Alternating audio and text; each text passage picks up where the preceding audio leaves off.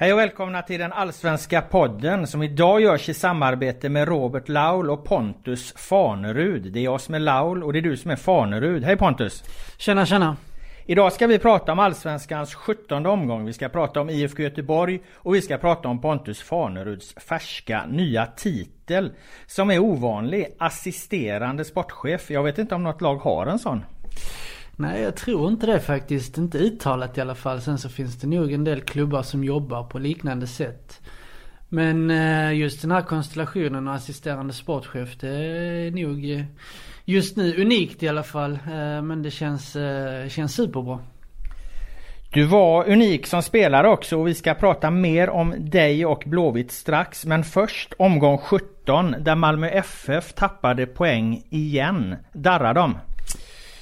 Eh, ja, darra vet jag inte men jag känner väl inte att Malmö är så dominerande ändå som man kanske tycker att de borde vara. Eh, och det har man, man nog känt under våren också även om man tog sina segrar. Så, så känns de inte helt överlägsna. Vilket man nästan eh, tycker de borde när man tittar på deras trupp och, och eh, inte minst deras ekonomi och de spelarna de kan hämta in eh, i princip när de vill, hur de vill, vilka spelare de vill. Eh, och nu går de in i, i Europakvalet också så att då är det inte helt eh, enkelt att ha eh, fokus på vissa kanske mindre eh, attraktiva inom situationstecken matcher eh, på eh, mitt i sommaren sådär. Hur stort misslyckande skulle det vara för Malmö om de inte tar guld? Det har ju varit nästan som någon slags sanning här att de ska göra det. Och ändå så vinner de ju faktiskt inte varje gång. Jag menar AIK vann ju i fjol och, och som sagt nu har de tappat lite poäng här på sista tiden. Mm, och Norrköping för tre år sedan va? Eller mm. tre och ett halvt, fyra snart. Um, nej men det är väl klart att de vill ta guld. Uh, sen så vet man ju inte vad de egentligen vill helst. Om de vill hellre komma till ett eh, gruppspel i, i Europa League eller om de vill ta guld. Men jag tror nog att eh, efter att ha, om man nu är Malmö-supporter eller verksam i Malmö FF, lånat ut guldet till, till AIK så vill de nog plocka hem det igen. Och jag tror att en sån som Marcus Rosenberg som förmodligen kommer avsluta sin karriär är ganska eh, sugen på att avsluta med ett guld också. Om du hade varit i den rollen, vad hade du valt? Guld eller eh, Europa-avancemang? Jag hade valt SM-guld. Det är större? Ja, och då ger det också en, en, en möjlighet till att uh, året efter vara var, uh, med och fightas om att ta, ta sig in i Europa igen och, och på sikt tror jag att det är bättre.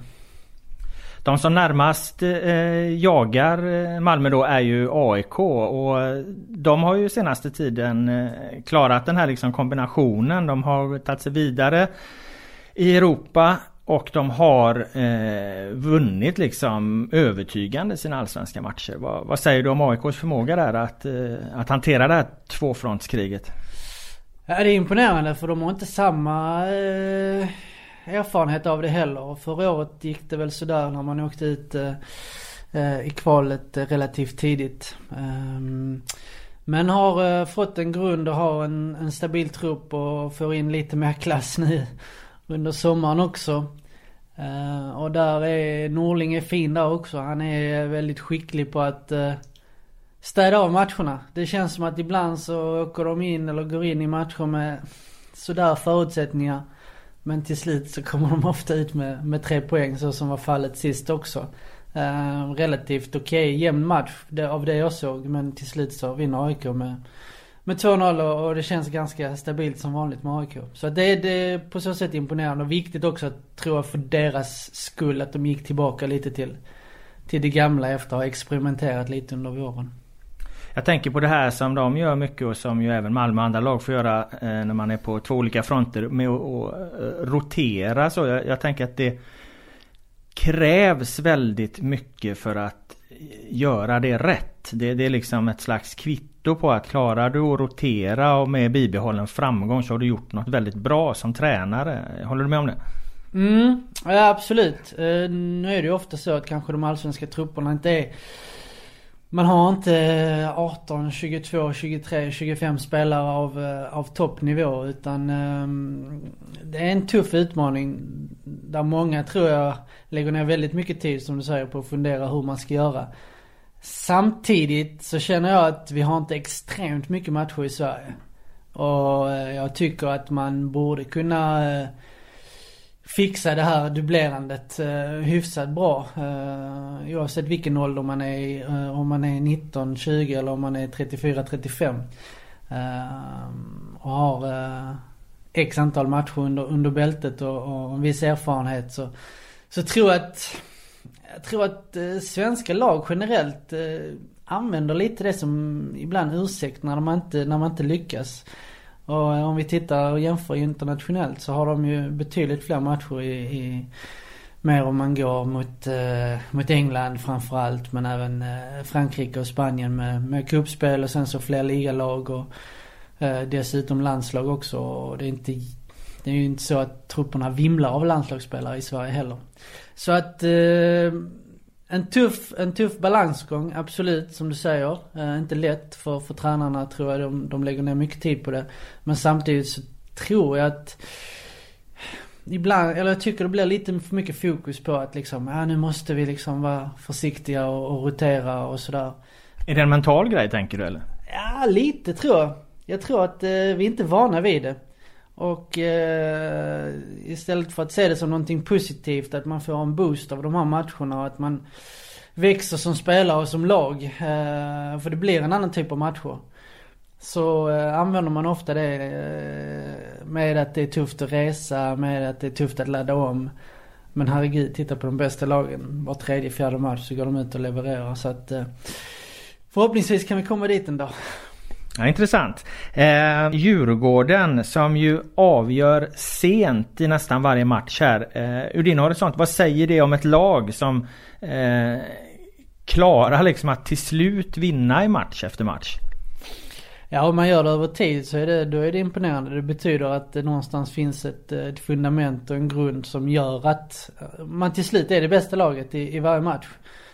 Uh, och det är ju fallet, uh, så, är, så är ju situationen för Djurgården eftersom nu har det inte gått fem, sex omgångar utan vi har uh, vänt på serien och kommit en bit. så det är starkt. Ehm, däremot så känner man ju lite sådär frågetecken för, för Häcken då som man varje gång tror att nu har de chansen men återigen så, så förlorar de då mot, mot ett topplag på, ja, Framförallt bortaplan då. Vad säger du om det? Eftersom du själv tar upp det där Häcken. Att de har den trenden eh, även i den här säsongen. De har liksom förlorat borta mot eh, AIK. Förlorat borta mot Norrköping. Nu förlorat borta mot Djurgården. Förlorat hemma mot Djurgården. Förlorat hemma mot IFK Göteborg. Kryssade visserligen då borta mot Malmö. Det var i premiären. Medan de vinner i princip varenda annan match mot eh, lagen efter topp 6. Ja. Ja, nej det är som du sa, jag tog upp det själv men det är klart att det är eh, anmärkningsvärt när det, när det händer eh, hela tiden och jag kände likadant när de hade Norrköping borta och ja men nu har de en bra möjlighet. Eh, och lite samma nu att nu har de en bra möjlighet mot Djurgården borta men till slut så så är det noll poäng och, och man ligger kvar i, i skiktet precis liksom under, under toppen där. Där vi är vana, vana att se Häcken lite. Så att det är väl lite oroväckande för, för Häcken och för Häckenspelarna. Spelare kommer och går, tränare kommer och går. Alm har inte varit det så länge. Kan sånt här, det kan ju inte sitta i väggarna liksom. Alltså det, det är väl bara en myt liksom. Nej men kan det sitta lite med att det blir lite större tryck. Eh, lite mer eh, supportrar, lite mer eh, anspänning inför match. Um, vi vet ju hur det ser ut ofta på Bravida att det inte helt, helt fullsatt eller eh, 20 000 som, som, som trycker på motståndarlaget eller hemmalaget. Och det är... De kanske inte riktigt eh, har klarat att hantera, hantera den, den biten. Häckens klack har väl vuxit lite sista tiden får jag säga för då för objektivitetens skull här nu när du nämnde det. Ehm, ett lag som går väldigt bra just nu är Hammarby. Deras offensiv eh, imponerar ju på många. Vad skulle du säga är nycklarna i att eh, Bayern gör så otroligt mycket mål just nu? Eh, som du säger, imponerande. Jag är väldigt imponerad av Hammarby. Eh, och när jag tittar på tabellen och känner att Hammarby ligger där de ligger och har de poängen och vi ligger där vi ligger och har de poängen. Så känner jag bara wow. Eh, fantastiskt för att jag tycker Hammarby har varit riktigt, riktigt bra offensivt då. De släpper ju ibland till lite kanske billiga mål och defensivt individuellt är det väl kanske inte samma kvalitet som offensiva men, men kollektivt så gör de det väldigt bra. Och Billborn jobbar på väldigt bra med sina assisterande tränare där. Eh, jag känner väl att en sån som Djurdjic är, är minst lika viktig som Tankovic. Alltså de två tillsammans eh, river upp försvar och är kreativa bägge två. Och dessutom när de hade Kjartansson som, ja. Det är ju liksom målgaranti på honom. Han gör riktigt mycket mål har gjort både Malmö och Hammarby. Så då blir det bra. Och, och sen så har man fina fötter på Bojanic och Jeppe Andersson centralt. Eh, där man då har ersatt Junior som var fantastisk förra säsongen och Bojanic fick kliva in. Jag var väldigt skeptisk i början när han inte fick spela och fick spela lite till höger och man letade lite efter rätt form, formel där men... Bojanic så som han har spelat eh, i ett offensivt Hammarby för att man är ju väldigt offensivt lagda. Då, då passar det väldigt bra med, med hans fötter och så har Kasaniklic kommit igång och, och Khalili har en bra säsong igen då så att... Eh, finns mycket, mycket, mycket fint i, i Hammarby offensivt Dock eh, fortfarande lite frågetecken för defensiven. Henrik Rydström sa en intressant grej när eh, Sirius skulle möta Hammarby där han varit intervjuad på inneplan. Och han sa att Hammarby är det lag som är bäst i Allsvenskan på att hitta in i motståndarens straffområde. Och det, det tror jag kanske att, att många kan hålla med om då. Skulle du säga att det är en eh, konsekvens, ett resultat av alla de här skickliga spelarna du nämner eller att det finns något i Hammarbys spelidé som sticker ut som gör att de kommer in i straffområdet så bra? Ja det kan nog stämma. Jag, jag, känner väl att de har många olika kvaliteter och kan komma till avslut på många olika sätt. Både med inläggsspel och, och, och um, ytterbackar som, som kommer fram och samtidigt då med Bojani som jag sa, fina fötter. Jeppe Andersson som tar sig in i, i straffområdet ibland och har också bra skott. Eh, uh, Georgis som är lite mer rivig om man säger. Uh, Tankovic som är mer finliraren.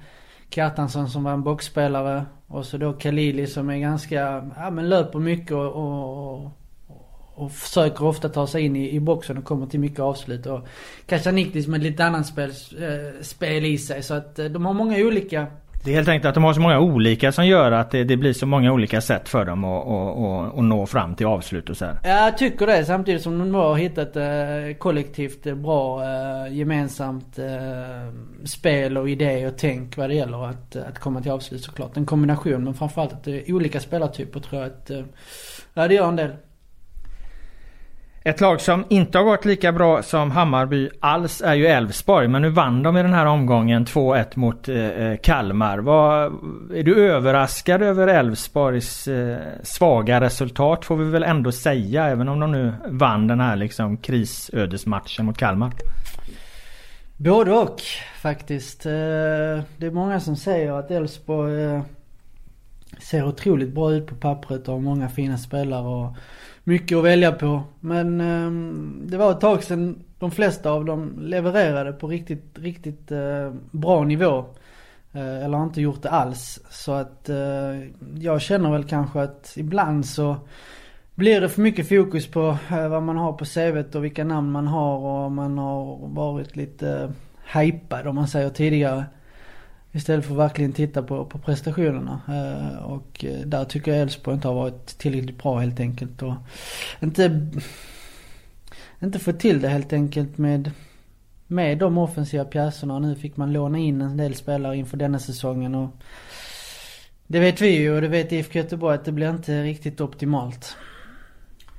Ni valde ju en, en motsatt väg där, satsa på era egna medan Elfsborg tog in då lite ja, var det, tro, var det Poja som kallade det för legoknäktar eller vem, vem det nu var. Eh, ni har ju fått bättre utväxling än vad Elfsborg har och då blir ju deras strategi någonstans ännu vanskligare om man inte får utväxling på ens, ens liksom när man lånar in mycket spelare och så. Mm, nej så är det ju. Då, då kommer man in i en, en ond spiral, dålig spiral helt enkelt. Uh, Sen så tycker jag nu till exempel att man tar in Rasmus Alm är intressant för det är mer den typen av spelare man kanske borde, borde gå för än istället, ja, istället för att hyra in, eller låna in då. Kanske lite för många som man gjorde inför säsongen med, med facit i hand och med tanke på resultaten. Då, då sätter man sig i en jobbig situation. Vi vet ju att Elfsborg har och har haft många yngre spelare som har gjort det bra i, i, i akademilagen. Um, så att uh, det gäller alltid att hitta en balans i det. Uh, visst kan man behöva låna in ibland för att spetsa till det. Men det får inte, det får inte bli inflation i liksom uh, att låna in spelare. Elfsborg borde göra mer som Blåvitt, satsa på de egna. uh, men de har väl också gjort det tidigare. Sen så är det klart att Elfsborg har varit väldigt bortskämda. Alltså Boråspubliken och, och alla som finns i klubben och runt klubben med eh, om man tittar på de spelarna de har haft och som är ute i Europa nu och spelar även i landslaget så det är inte lätt att, bibehålla det heller. Eh, och där, eh, man kan inte få panik bara för att man inte just nu är ett, är ett topplag. Utan man, får, man får jobba på, på ett annat sätt och på längre sikt. Ett annat lag som har det tungt i Helsingborg åkte på en ordentlig smäll mot Örebro. Eh, Henke Larsson har kommit in där som tränare. Fick ju en effekt i början, vilket det ofta blir när det kommer en ny tränare, kommer ny energi, spelare vill visa upp sig, allt det här klassiska. Är Henke-effekten över nu?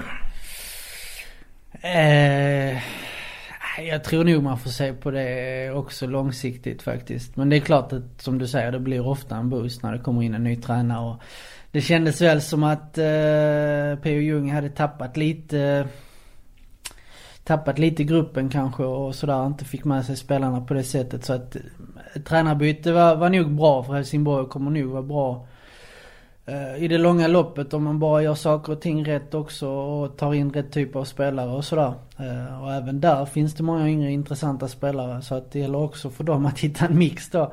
Nu ska inte jag sitta här och säga vad alla andra lag ska göra men Men ehm, Jag tror att Henke kommer vara bra för dem. Eh, om de bygger upp en bra sportslig organisation där runt honom och, och Granqvist i förlängningen som kommer in i en, in, i en ledande roll. Inte bara på planen då.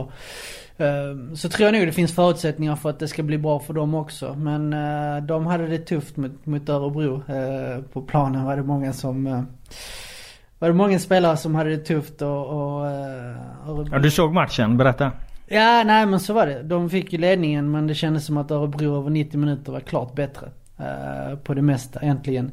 Fick ju, det var ju väldigt konstig situation när det blev tre mål under kort tid med, med Carlos Strandberg där. Eh, men eh, HF, precis som man har, har sett och såg lite under våren så, mm, ja vissa, vissa brister de, de har i sitt spel. Det, det lyste igenom lite igår och eh, Örebro vann väl eh, ja, den taktiska matchen helt enkelt och, och vann ju matchen till slut eh, ja, rättvist. Du nämnde Carlos Strandbergs eh, tre mål där. En sån där stor centertank liksom. Skulle han passa i IFK Göteborgs spel? Eh, utan att det just behöver vara Strandberg. Jag tänker mer på spelartypen. Den spelartypen har ni liksom inte den här stora eh, murbräckan liksom som får fram med kraft och fysik. Ja men en intressant spelartyp såklart. Eh, men det är viktigt att titta på, på helheten. Vad som passar in i, i gruppen och i laget. och på det sättet vi vill spela. Um, och det är ju någonting vi diskuterar och, och analyserar var, varje dag och har en dialog om tillsammans med tränarna. Så att uh, vi får se var vi hamnar framöver. Men uh, det är klart en spelare som, som öser in mål, det tackar inte många klubbar nej till. Ja, så är det. Eh, det leder oss in på då eh, eh, den sista punkten i det här segmentet från omgång 17. Kamratmötet då ehm, på Gamla Ullevi, IFK Göteborg, IFK Norrköping. Båda tränarna efteråt nöjda med prestationen trots 0-0. Vad, vad säger du? Ska man vara nöjd med 0-0? Eh, Eller med prestationen när det blir 0-0 så att det blir korrekt här. Ja exakt. Vi pratar ofta utifrån prestation och tränarna pratar väldigt mycket om det med spelarna också. Uh, och, och, det blir såklart någonting man kommunicerar utåt. Men jag förstår från medias perspektiv och supporternas perspektiv att det kan... Det kanske inte är det man vill höra. Uh, men uh, om vi ska vara nöjda med 0-0, ja det är klart att man kan vara nöjd med 0-0 om man ser att det finns en eh, många tendenser i, i spelet som, som, som man vill se och som man ville få ut i matchen och som man kan bygga vidare på. Och det tycker jag fanns mer eh, hos IFK Göteborg än IFK Norrköping. Hur menar du då? Jag tycker att vi, vi var bättre över 90 minuter och eh, skapade också 6-7 klara chanser och Norrköping skapade väl eh, en, en och en halv uh, farlig chans. Och uh, ja, när man tittar på vår bänk och jämför med Norrköpings bänk eh, och, och trupp och vilka de har plockat in inför säsongen och, och hur vi har fått jobba så eh, att vi ska känna oss eh, besvikna över 0-0 är någonstans väldigt bra för, för IFK Göteborg. Jag tänker att det är ganska logiskt ändå att det, att det kanske blir 0 man, man, I alla fall om man tittar utifrån IFK Göteborgs perspektiv. För ni har ju tre centrala mittfältare där med eh, August Erlingmark, eh, Yusuf och Sebastian Eriksson. Och det är ju liksom jag säger inte att de är dåliga offensivt men jag säger att de har sina största kvaliteter i det defensiva spelet och, och det blir ju då en ganska defensiv balans. Eh, de skyddar ju sin backlinje på ett, på ett bra sätt. Men det, effekten av det blir ju att eh, forwardstrion, anfallstrion får ju inte samma understöd. Eh, och det är IFK Göteborg som är hemmalag och, och Norrköping kanske någonstans är mer nöjda med ett kryss utifrån deras situation då eftersom de är bortalag och, och kommer här mitt i en period då de fick vila några spelare och så. Eh, det förklarar ju någonstans 0-0 resultatet känner jag. Eh, vad, vad tänker du kring det resonemanget? Ja, både och. Eh, jag håller ju med såklart att eh, skyddet vi får framför backlinjen med, med Yusuf och, och Sebban Eriksson och, och August Alimark. Det är klart att det innebär ju att det är tufft för motståndarna att ta sig igenom. Och eh, bevisligen så har det varit tufft för både Malmö FF som har en bra offensiv, Hammarby och Norrköping som alla har åkt från Ullevi utan att göra mål och skapa sådär jättemånga chanser. Och jag tycker att det är bra för oss för att vi behöver känna att vi är stabila bakåt. Efter, efter, ehm, ja, inte minst med tanke på hur det såg ut förra året. Att, att vi känner den tryggheten i defensiven. Sen så var Sebastian Eriksson var inblandad i en del offensivt och eh, vi har ju som sagt målchanser och vi har offensiva ytterbackar också som kommer. Men det är klart att eh, med tanke på att Nygren eh, och, och, som, är, som är såld och, och dessutom gjorde mål i, direkt i premiären i, i Belgien och, och Pakas skada så det är klart att vi saknar lite, lite offensiv spets. Det gör vi. Det är inget snack om det. Och två poängspelare så att det går inte bara att ersätta sådär rakt av med med de spelarna man kanske har i truppen. Utan då blir det en liten annan balans. Du är ju då assisterande eh, sportchef. Eh, assisterande till Kenneth Andersson om vi ska glida över på din roll här. Eh, när jag tänker på det så tänker jag, är det inte i praktiken han som är eller blir assisterande till dig? För det känns som att du har levt närmre den stora fotbollsvärlden mer i närtid än vad han har gjort. Nej det är verkligen så att Kenneth är sportchef. Han är boss. Och jag är assisterande. Det är han som eh, någonstans eh, eh, men kanske tar besluten i slutändan om de stora frågorna ändå. Uh, sen ska du vidare uppåt i, i hierarkin uh, och någon annan ska trycka på en grön knapp. Men uh, men det är väl klart att jag har väl kanske just som du säger den här närheten och under de senare åren egentligen både som spelare och efter karriären varit ganska nära fotbollen hela tiden. Och Kenneth har väl varit en bit ifrån men Kenneth har eh, ett jäkla stort register av kunnande. Eh, både vad det gäller fotbollsmässigt eh, allting som har att göra med en klubb och hur det fungerar i ett omklädningsrum och erfarenhet från internationell fotboll, landslagsfotboll. Så att han har... Han har många, många kloka ord och infallsvinklar på många, många diskussioner som, som gör att eh, jag ibland tänker efter och känner att ja men ja, han är inte så dum den här Kenneth alltså. Han har inte lika många tunga kontakter som du i telefonboken. Eh, han har väl halva Italien i och för sig. Men, eh, är de aktiva fortfarande hans eh, gamla kontakter där? Jag vet inte. Nej det är kanske, kanske tveksamt. Det var ett tag sedan. Men, ehm, nej men det är väl klart att jag har väl lite sådär kontakter eh, överallt. Men eh, det är ju fler som har i, i klubben. Så att ehm, där tycker jag att vi känner att eh, men det är också någonting man måste sätta sig in i och, och, och, och få en insyn i och etablera de här kontakterna och dialogerna lite överallt. För att ja, hitta bästa vägen för att jobba, jobba framåt. Jag noterar att du har ditt franska nummer kvar. Bor du i, var bor du? Är du världsmedborgare eller? Ja, jag har mitt franska nummer. Jag, eh, jag har ju fortfarande abonnemang så jag kan inte bara avsluta det. Det spelar ingen roll om jag har det kvar eller inte. Utan Men du bor i Göteborg eller var bor ja, du? ja, absolut. Jag har flyttat hit nu eh, sedan eh, juni då. Så är det... Ja det är så pass eh, nytt, sen juni alltså? Ja, sen eh, jag hade en lägenhet här tidigare efter jag avslutade karriär, Men den sålde jag förra året vilket var dumt såklart med facit i hand. Eh, men ja, sen har jag bott i Frankrike efter, efter jag avslutade i Blåvitt under ett par år där. Men eh, haft basen i Frankrike men haft en lägenhet här och jag jobbade ju en del också med TV i, i, i Sverige med Simor och så. Så att eh, det är Sverige som gäller men eh, franska numret eh, det är, ja, det är inte så lätt. Eh, alla som vet hur komplicerat det kan vara med telefoner och nummer och sånt. Det kan vara bra att jag har bägge två för att jag blandar ihop det ibland. Okej. Ehm, som eh, aktiv var ju du en fantastisk passningsspelare. Jag kommer ihåg när eh, Micke Stare brukar byta in dig för du hade ju skadeproblem den här tiden du var i IFK Göteborg. Men spelaren då så lyfte ju alltid Blåvitt när du kom in. Du fick ett du fick liksom ett sånt, spred ett sånt oerhört lugn i passningsspelet. Hittade lösningar, vann tid, tog rätt beslut. Vilka egenskaper skulle du säga främst gjorde dig till den ganska unika eh, spelare du var? För jag menar inte ens i, i dagens blåvita trupp där man fokuserar väldigt mycket på, på passningsspel och så här så, eh, så, så är det någon som har riktigt så mjuka fötter. Det är väl möjligtvis Paka Lagemyr då men han är ju tyvärr skadad just nu. Mm, ja nej. Eh, ja, tack för de orden då först och främst. Eh, det är väl klart att eh, passningsspelet och min spelförståelse var ju det som som gjorde att jag kom ganska långt eh, trots allt och fick uppleva väldigt, väldigt mycket under min karriär. Man vill alltid ha mer men man får också vara tacksam för det man har fått. Så att, ehm, ja det var väl fram- framförallt spelförståelse med, med passningsspelet och drillades mycket med teknikövningar när jag var yngre och sådär. Och sen så när man kom ut i Europa så tittade man mycket på andra spelare och lärde sig mycket av både, både spelare och tränare och, och skapade, ja, men gjorde att man blev den typen av spelare.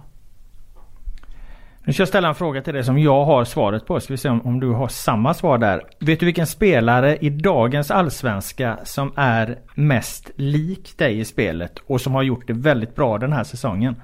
Du har faktiskt till och med nämnt honom tidigare under det här samtalet. Alltså, tänker du Bojanic då? Jag tänker på Janic. Ja. Han är oerhört lik dig i, i, i, i spelstilen. Eh, Det här med att liksom bollen liksom dör vid fötterna han hittar liksom alltid en lösning. Han vinner tid åt sig själv och sina lagkamrater. Öppnar spel och förändrar liksom en, en spelbild. Ja, nej jag kan hålla med. Så det är en fin jämförelse. Han är en eh, fin fotbollsspelare. Darjan som jag spelade med ett, ett halvår här tror jag. Men då var han inte den spelaren han är idag. Nej, verkligen inte. Och han hade inte eh, den eh, skallen kanske som han har eh, byggt upp de senare åren och blivit betydligt mer mogen i sitt spel och även utanför plan verkar det som. Så att... Var han inte det när han var i Göteborg? Ah, eh, han vet nog att han eh, kunde gjort eh, saker på ett annat, eh, ett annat sätt eller ett bättre sätt. Men samtidigt så såg man kvalitet och, och han prat, vi pratade mycket tillsammans och jag kände väl att han också uppskattade min, min spelstil och, och mitt sätt att, att spela redan då. Jag tänker att det, den spelartypen är, vore en perfekt spelare för IFK Göteborg. Så som ni och Poja vill spela. Ja, du menar någon kreativ, eh, lite mer eh, passnings eh, framåt så att säga där i den rollen. Ja, eh, som sagt vi håller... Tittar ni på det? Vi pratar varje dag om, om hur vi vill bygga laget och truppen så att det får vi se. Nu, nu är det ju så att vi har kanske framförallt centralt på mitten väldigt många, väldigt många spelare, väldigt många alternativ. Eh, och det är ju utifrån hur laget har byggts upp och truppen har byggts upp tidigare med, med kontrakt och så. Det måste man ju respektera och samtidigt så känns det som att Mom deserves the best, and there's no better place to shop for Mother's Day than Whole Foods Market. They're your destination for unbeatable savings, from premium gifts to show-stopping flowers and irresistible desserts. Start by saving 33% with Prime on all body care and candles. Then get a 15-stem bunch of tulips for just $9.99 each with Prime. Round out Mom's menu with festive rosé, irresistible berry chantilly cake, and more special treats. Come celebrate Mother's Day at Whole Foods Market.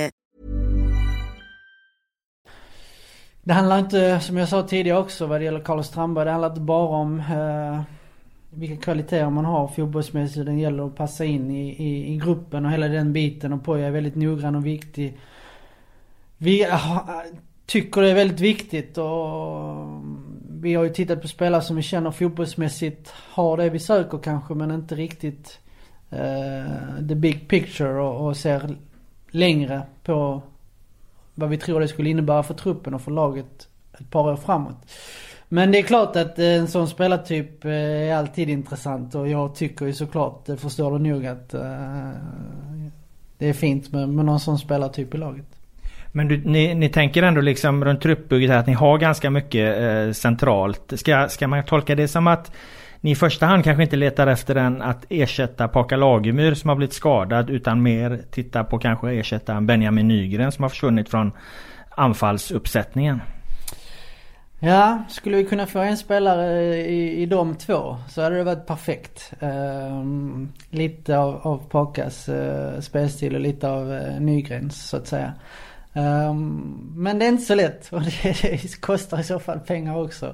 Um, så att, eh, men det är klart att vi tittar på eh, den typen av, eh, det är väl ingen hemlighet att vi typ tittar på den typen av lösningar eventuellt. Men det är, det är tufft och vi vill fortsätta vara försiktiga och bygga vidare på det som har påbörjats. Och, och vi vet att vi har spelare vi har tagit upp också. Om vi säger Noah Alexandersson till exempel som vi valde att plocka upp efter att Nygren lämnade. För att det är en liknande spelartyp som vi tror kan utvecklas också och framöver kan, kan vara jäkligt intressant för, för IFK Göteborg.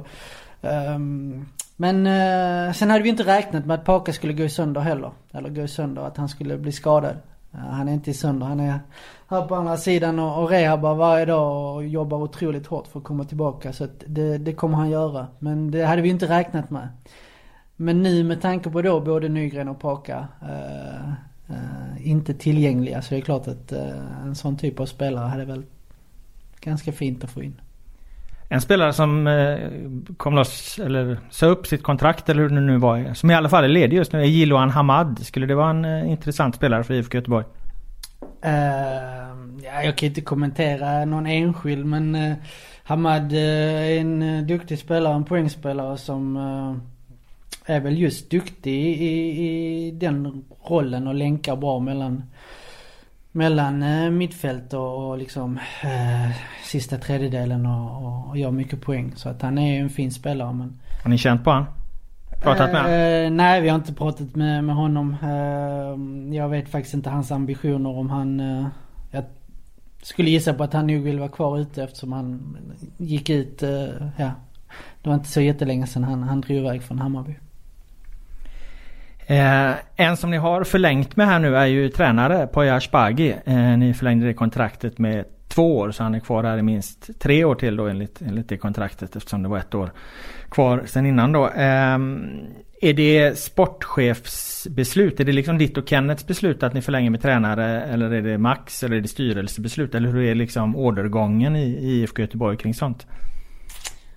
Det är väl ett gemensamt beslut men det är väl klart att jag och Kenneth, det var något som vi diskuterade väldigt tidigt att vi ville göra och kände att vi ville göra. Eh, vi som jobbar så nära laget varje dag och med ledarteamet med Poja i spetsen och även Ferran då såklart. Eh, men framförallt med Poja i spetsen så, så känner vi att eh, det är vår viktigaste signing. med tanke på vad som komma skall och hur han har uh, lyckats bygga upp, uh, inte själv såklart, men trots allt han som är ansvarig lyckats bygga upp laget på, på det sättet under den här säsongen. Uh, så tror vi att ja, vi är helt övertygade om att det, det är rätt väg att gå. Och eh, precis som jag har förlängt med ett par spelare så är det betydligt viktigare än att plocka in nya spelare. Om vi känner att spelarna som vi har är så pass bra att vi vill bygga runt dem. Så är det betydligt viktigare att säkra upp dem och, och känna att vi eh, eh, som jag sa, kan bygga runt dem eh, och därefter titta på spelare som vi behöver plocka in och inte, inte börja i fel ände så att säga. Och eh, återigen, att, eh, att signa Poja är, är, är, det viktigaste eh, i hela den processen och vill, väldigt, eh, väldigt nöjda med att ha gjort det. Vad skulle du säga att eh, Ferhan Sibia har betytt för IFK Göteborg? För att även om han kanske ena sidan är en assisterande så är han ju också en del av ett eh, Ja, han är eh, ett spanskt konsultbolags eh, yttersta representant här då. Så det, det, finns ju liksom en annan del av, eh, av hans roll så att säga. Vad, vad skulle du säga att han bidrar med? Eh, väldigt mycket fotbollskunskap. Eh, han, eh, han har koll på det mesta. Det är så? Ja, det är så. Eh, väldigt imponerande och väldigt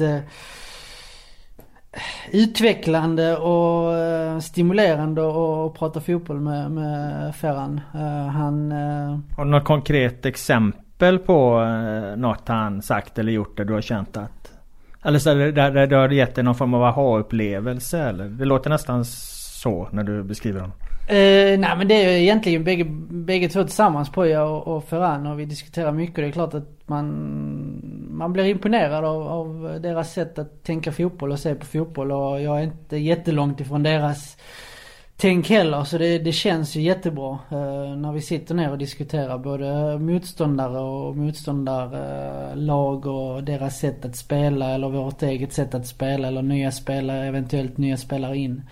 Och vi har varit på matcher och tittat eh, tillsammans jag och Ferran och, och eh, Nej men de sakerna som, som han ser det, det, det, det är härligt att, att, att vara i närheten av honom och, och snacka fotboll och se, se och förstå de, de sakerna på det sättet.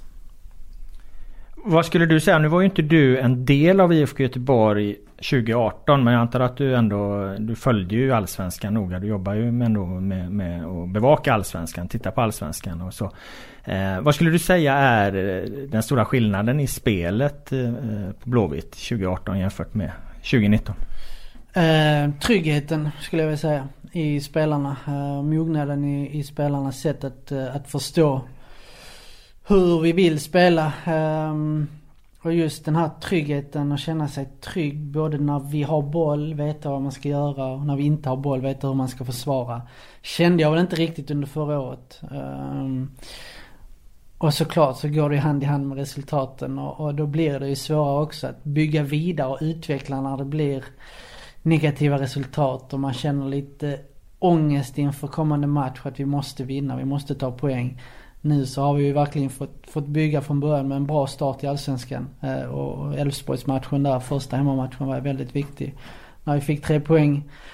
Ehm, och, och, det gör att spelarna eh, kan, kan eh, ja, men känna just det här lugnet över att det vi gör, det är jävligt bra och vi gör det på rätt sätt. Och ha en tro på det. Precis som jag känner att supportrarna och fansen har en tro på det, på det som görs just nu. Och den känslan är, den är rätt häftig faktiskt. När jag tittar på Blåvitt 2018-2019 så det jag ser och tänker på är ju att 2018 så hade man bollen, fick upp den en bit i plan, vände ofta tillbaka, utsatte sig för bolltapp mycket mer än vad man gör i år då man har varit oerhört mycket liksom rakare mot mål. Särskilt under våren så stack ju Blåvitt verkligen ut som en extremt effektiv omställningsmaskin som ni också gör väldigt många mål på. Det skulle jag säga är en konkret skillnad när man tittar på Blåvitt utifrån. En väldigt konkret skillnad mellan 2018 och 2019. Hänger det ihop med tryggheten som du är inne på? Eh, att spelarna mer vet vad de ska göra idag eller är det att man har gjort en, liksom en, en, en konkret förändring i filosofin hur man ska spela? Jag tror, eh, jag håller med dig och jag tror att det är en mix av de, de två uh, sakerna, komponenterna som gör att uh, vi ser det vi ser på planen idag. Um, men just det här uh, tryggheten och, och, och känna sig säker med boll och i mottagningar och i passningsspelet. Den kände man väl inte riktigt förra året för det fanns hela tiden en oro att att det kunde gå fel och att man tänkte lite för mycket på, på jag ska inte säga det negativa men att det fanns en oroskänsla istället för att det fanns en liksom bara kom liksom. Bara kom. Vi, vi, vi fixar detta. Eh, pressa ner oss så, så kommer vi lösa detta för att vi vet hur vi ska göra. Eh, och även att spelarna individuellt har utvecklat sig. Om, om man tittar på Karl Starfelt till exempel som, som med boll eh, 2019 var en helt, eller är en helt annan spelare än 2018. Eh, där han utvecklades, tyckte jag, fantastiskt med, i sitt passningsspel och, och att vara trygg med bollen. August Erlingmark, Viktor Wernersson. Eh, Paka som inte spelade sådär jättemycket 2018 men som under 2019 var ja, fram till han blev skadad. En trollgubbe som, som alla lag hade älskat att ha i, i sitt lag. Så att Både och och en mix av lite av allting. Men, men det är klart att eh, omställningsspelet också. Men det beror lite också på vilka lag, vilka lag man möter. Eh, man ser lite sårbarheten i, i motståndarlaget så att eh, då eh, har man varit jävligt bra på att utnyttja det också. Det som annars har överraskat mig mest eh, positivt med IFK Göteborg i år det är ju Eh, hur bra backlinjen, eller då försvarsspelet får man väl säga, men, men, om man tittar liksom på backlinjen har fungerat. Det är klart att man får in en, en rutinerad målvakt som har gjort en bra säsong. Eh, ska, ger ju spelarna en, en, en, stor trygghet. Jag förstår att det finns en, en, eh, en, viktig poäng med det. Men jag trodde aldrig på förhand att Sebastian Olsson som högerback eh, Starfelt och Kalesi då i grunden duktiga spelare men, men kom från den här eh, säsongen då med kanske stukat självförtroende så här och, och Wernersson som kanske har sina eh, främsta kvaliteter i offensiven ändå någonstans att den backlinjen skulle fungera så bra defensivt. Nej, det är säkerligen många som, som känner samma sak och som är lite överraskade. Men jag tror att eh, Calisir spelade lite mindre i klubb tidigare. Eh, Starfelt också. Sebastian, ja han... Det var ju lite... Fan, han är ju inte, han är inte högerback. Han är ju för fan högeryt eller anfallsspelare ju. Verkligen. Så den är väl äh, egentligen äh, den man inte alls såg skulle komma. Äh, att Sebastian Olsson skulle spela så bra på den positionen.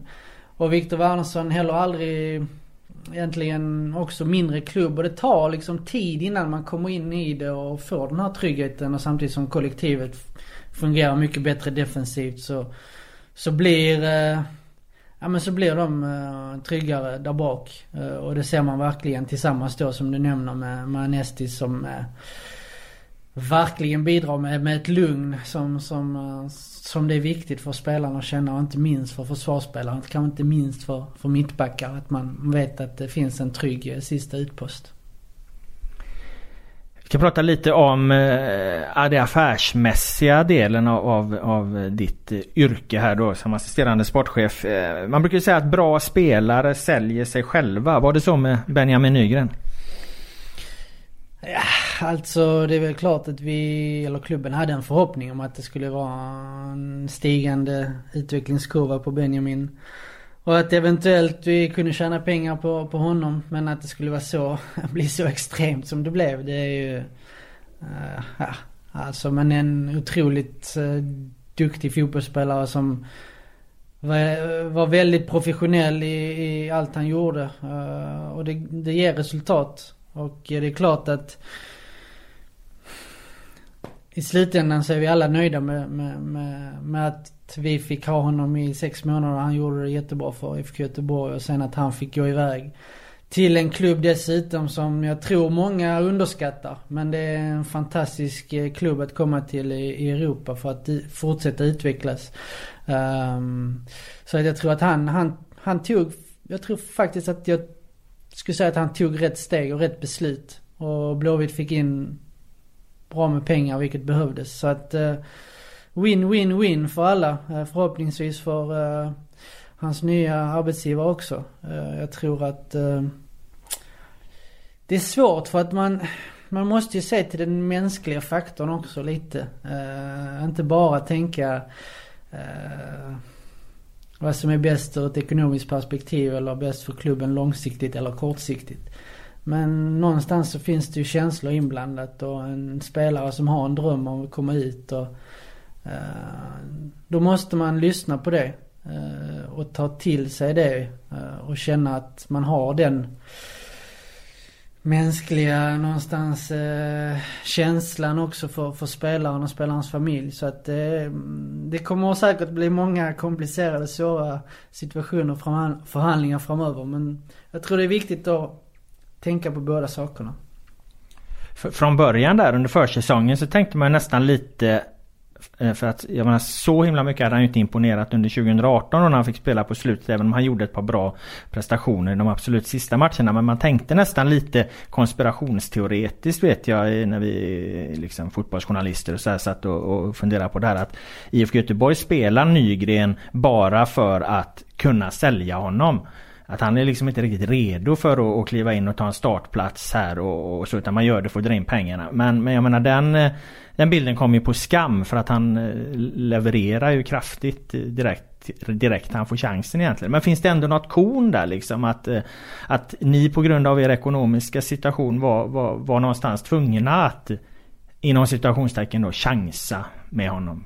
För att kunna sälja honom? Ja, jag förstår vad du menar. Men det beror väl på lite vilka andra typer av spelare man har att tillgå också. Uh, nu var det väl inte så att vi hade ett överflöd av uh, offensiva mittfältare eller, eller anfallare som vi visste eh, hade levererat eller skulle kunna leverera. Så att eh, det var ju en tuff situation och vi hade ju problem att eller klubben hade ju problem att kanske hitta eh, nya spelare som, som verkligen skulle kunna, kunna gå in och leverera direkt. Så att det är ju återigen, det är den här balansen. Men jag tror nog och känner att kanske många allsvenska klubbar är lite fega i, i, i, i de lägena och känner att nej, vi vill hellre ta in en, en, en, spelare på lån eller en spelare som har varit ute i Europa eller om det är en, en, eh, en brasse eller någonting för att eh, men fan alltså man ska våga släppa fram dem, alltså det tycker jag. Och framförallt de spelarna som man har gett A-lagskontrakt, då har man gett dem för att man tror på dem.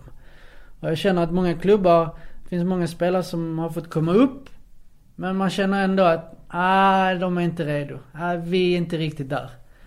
Men för att man ska få utveckling både på, på laget och, och klubben ska ha den här eh, eh identiteten av att kunna våga släppa fram unga spelare så måste man eh, måste gasa lite, eh, lite mer än vad jag tycker vissa klubbar gör. Hur mycket bidrog ert sportchefsarbete till att få upp prislappen på eh, Nygren? Kan man i procent säga vad Genks första bud låg på i förhållande till vad det sedan blev? Nej jag var inte inblandad i den processen så jag vet faktiskt inte alls om jag ska vara ärlig. Så att eh, jag vet eh, var vi landade någonstans och det är väldigt bra. Tycker jag. Men jag vet faktiskt inte hur, hur det gick till så att jag kan inte uttala mig om det. Ni har ju i alla fall för de här pengarna ni får in valt att investera i den befintliga truppen ganska mycket genom att förlänga kontrakt och så här. Du var lite inne på det tidigare. Eh, vad är bakgrunden till att ni har valt den strategin? För att vi tror på det vi gör och vi tror på de spelarna eh, som vi har och det är viktigt att skapa den här identiteten och det långsiktiga. Jag tror att supportrarna också och sponsorerna kan identifiera sig mer med klubben om man känner att Ja men det är klart att August Allenberg kan betyda mer än bara uh, den spelaren han är. Med tanke på eh, hans pappas historia, att han är fostrad i klubben och, och, och hela den biten. Så det är klart att eh, det är också, också en spelare, även om han har, har ett långt kontrakt, så är det också en spelare som vi ser att, ja men det är klart att vi vill ha han så länge som möjligt. Och ju tidigare vi är ute med de här sakerna, ju bättre är det. Nu har vi fått en grund ekonomiskt då med tanke på Nygrenförsäljningen och Starfelt i och för sig. Um, som gör att vi kan ja, investera i, i, i, i det vi tror är en, en vinnande väg framåt och, och där är våra akademispelare, de spelarna som, som är fostrade i klubben, en viktig del av det. Eh, och jag tror att det blir ett mervärde också på det gentemot, som jag sa, publik och sponsorer. Och, och att eh, skapa en eh, fantastisk stämning i omklädningsrummet där borta. När det är spelare som, som brinner för klubben. Tar den strategin IFK Göteborg närmre Malmö FF och AIK i konkurrensen? Det tror jag. Eh, på sikt absolut. För det är ju samtidigt eh, om man... Jag tittar på det så tänker jag att ja, det, allt det du säger där är ju eh, jättebra och det... Men det kanske också placerar er på en nivå som inte är på Malmö AIKs nivå utan är en bit under liksom. Mm, ja, jag förstår vad du menar. Eh, nej, vi väljer att tro på detta. Eh, det är klart att just nu så är vi en bit ifrån att kunna utmana dem. Men samtidigt så är det det som händer på planen som är det viktiga.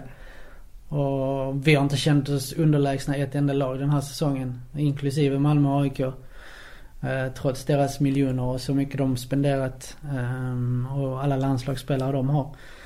Så eh, det är det viktigaste för oss. Att vi ser att det vi gör eh, är, är återigen rätt väg att, eh, att gå.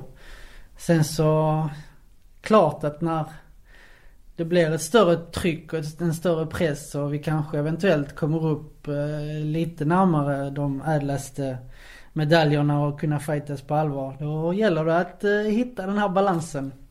Att inte frångå det heller men samtidigt kanske vara smarta i vad man plockar in och, och vilka Ja, vilken strategi man väljer även, även, även då liksom. När vi väl ska vara där och, och fightas på allvar. Det jag är inne lite på är att fotbollen är ju så pengastyrd idag liksom. Det går ju väldigt tydligt att se liksom. De som har mest pengar vinner i, generellt i, i, i längden liksom. Och sen är det egentligen en fallande skala. Jag tror tittar man på allsvenskan nu så är den ganska ligger den ganska exakt. Eh, lagen ligger helt enkelt på den, de placeringarna eh, de har i personalkostnader. Jag tror det är den här osynliga handen som är skicklig med fotbollsekonomi som, som hade ett blogginlägg här nu som visar det liksom att eh, lagen med mest pengar ligger högst och så, så ligger de egentligen på position efter position där så att eh, och det var lite därför jag undrar, kan man egentligen närma sig klubbar som har mer pengar genom några andra metoder liksom. Då måste man ha en jävla bra ungdomsutveckling som den vägen ökar eh, ekonomin. Och visst, det är svårt att argumentera emot här nu när ni, när ni, har, när ni har sålt Benjamin Nygren för stora pengar. Men det kommer, det kommer krävas fler sådana tänker jag. Ja, nej det, jag förstår eh, ditt resonemang och det är klart att det låter väldigt bra. Säkerligen. Eh, när man lägger fram det på det viset. Men, men återigen, vi, vi tror på detta och just nu är detta den enda vägen vi kan gå och vill gå. Eh, och utifrån det så måste vi jobba stenhårt för att, för att göra det så bra som möjligt. Eh, eh, och sen så... Det är klart att de lagen med mer pengar, som du säger, i alla stora ligor, de ligger högst upp. De kan hämta de bästa spelarna. Men det gäller att göra det på rätt sätt också. Så när man kommer upp där så finns det ändå en, en, en risk någonstans att man inte håller sig kvar. Och just där tror jag det är viktigt när man väl är där uppe och är bland de rikaste och bästa klubbarna. Då gäller det att uh, till och med vara ännu mer noggrann än vad man var tidigare för att liksom bibehålla sin, sin plats och sin position. Uh, och det känns väl lite den här säsongen som du säger i Allsvenskan mer än tidigare.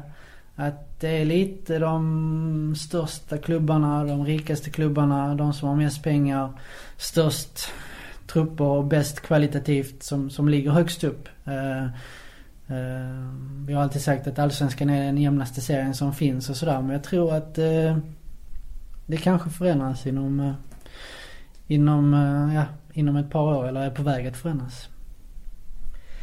Apropå andra stora eh, talanger då eh, som ni har. Eh, hur skulle du bedöma, bedöma Alhassan Yusufs potential i förhållande till till exempel Benjamin Nygrens. Är han en lika stor talang bara att han är en, en eh, han är mer defensiv spelartyp då? De brukar inte gå iväg för lika stora pengar. Ja, det är en svår fråga. Um, Yusuf Hasse är ju väldigt duktig och har tagit eh, enorma kliv om man tänker på för ett år sedan när han kom hit och den utvecklingen han har haft så.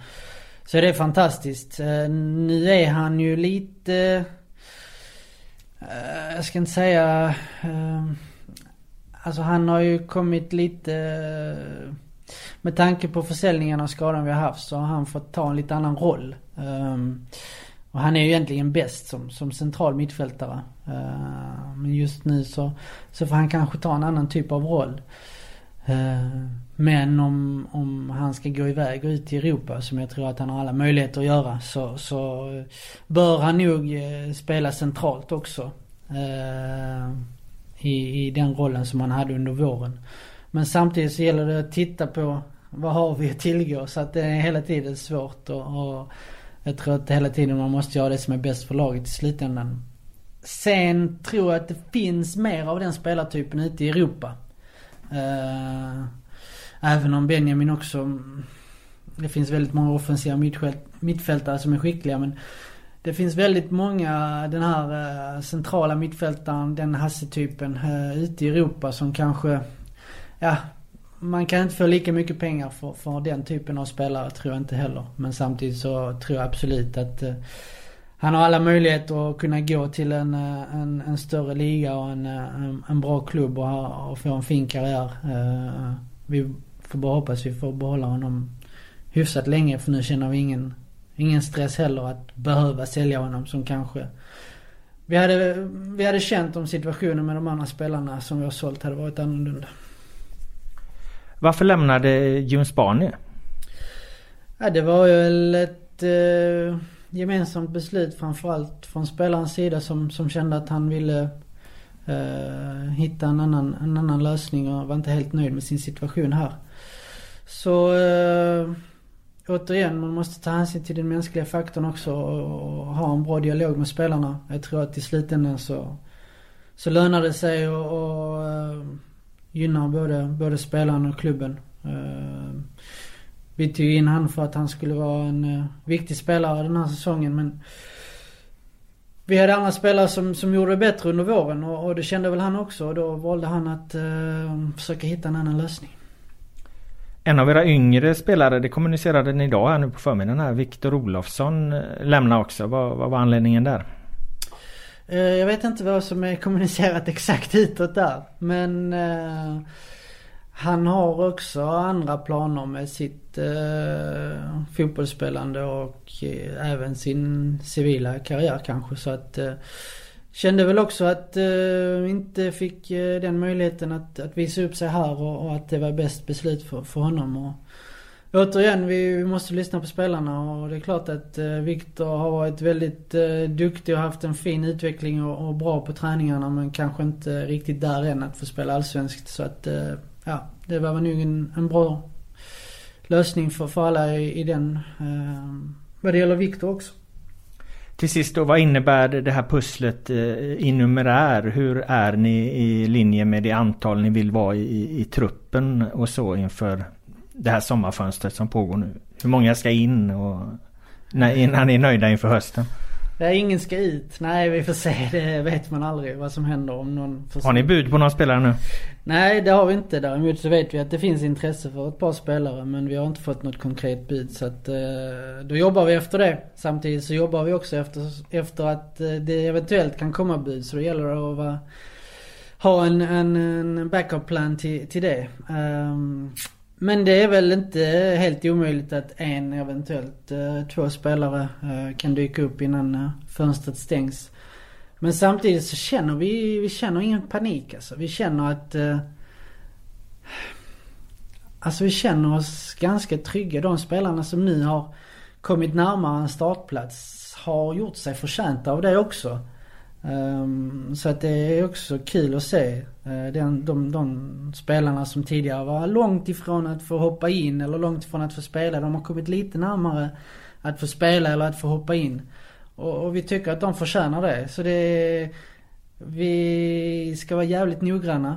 Vi ska ta rätt beslut, ta in rätt spelare, rätt karaktärer. För att uh, Ja, för att det ska bli bra på sikt helt enkelt. Men... Vad, är, vad är en rätt karaktär för IFK Göteborg skulle du säga? Det är någon som eh, passar in i, i gruppen där. Som gör att dynamiken som vi har nu och sammanhållningen i, i truppen, i gruppen eh, fortsätter vara på den nivån som den är nu. För att eh, jag kan lova dig att alla där i, i, i truppen älskar att vara en del av IFK Göteborg just nu. Det, om du tittar, om ni tittar på glädjescenerna när vi gör mål eller hur vi firar efter matchen så är det äkta glädje även från de som sitter på bänken och... Eller efter Falkenberg? ja, men det var, Skrattar du? det var ingen vinst ju. Då måste man få reagera lite i alla fall. Lite. Det var lite mycket va?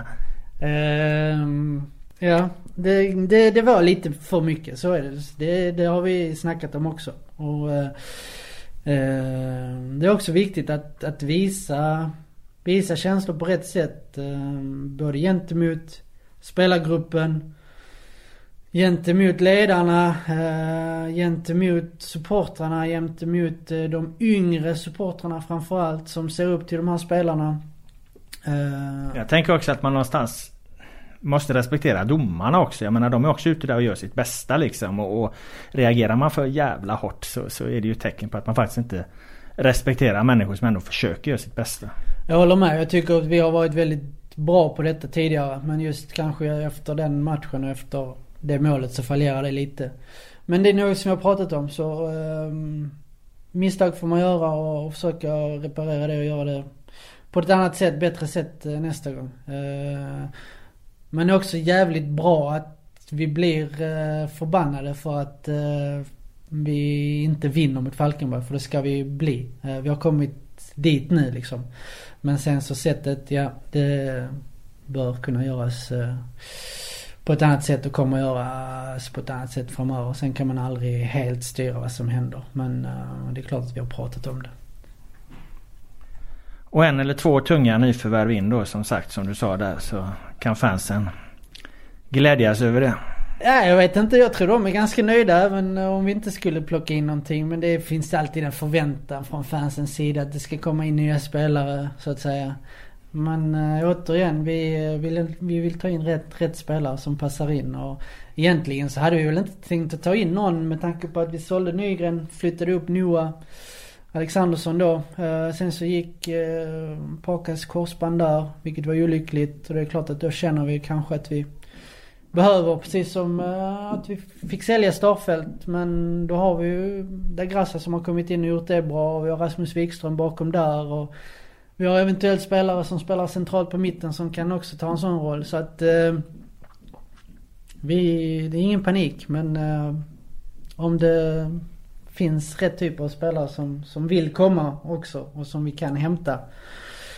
Eh, om vi fortsätter att eh, jobba efter vår strategi och vi vill inte sväva iväg vad det gäller eh, eh transfers och, och löner och så. Så då är det klart att då kanske det dyker upp någon intressant spelare här framöver. Tack så mycket för att du var med i Allsvenska podden Pontus med kloka åsikter och intressanta svar. Jag tackar alla er som har lyssnat också och eh, den Allsvenska podden är tillbaka nästa vecka. Tack så mycket!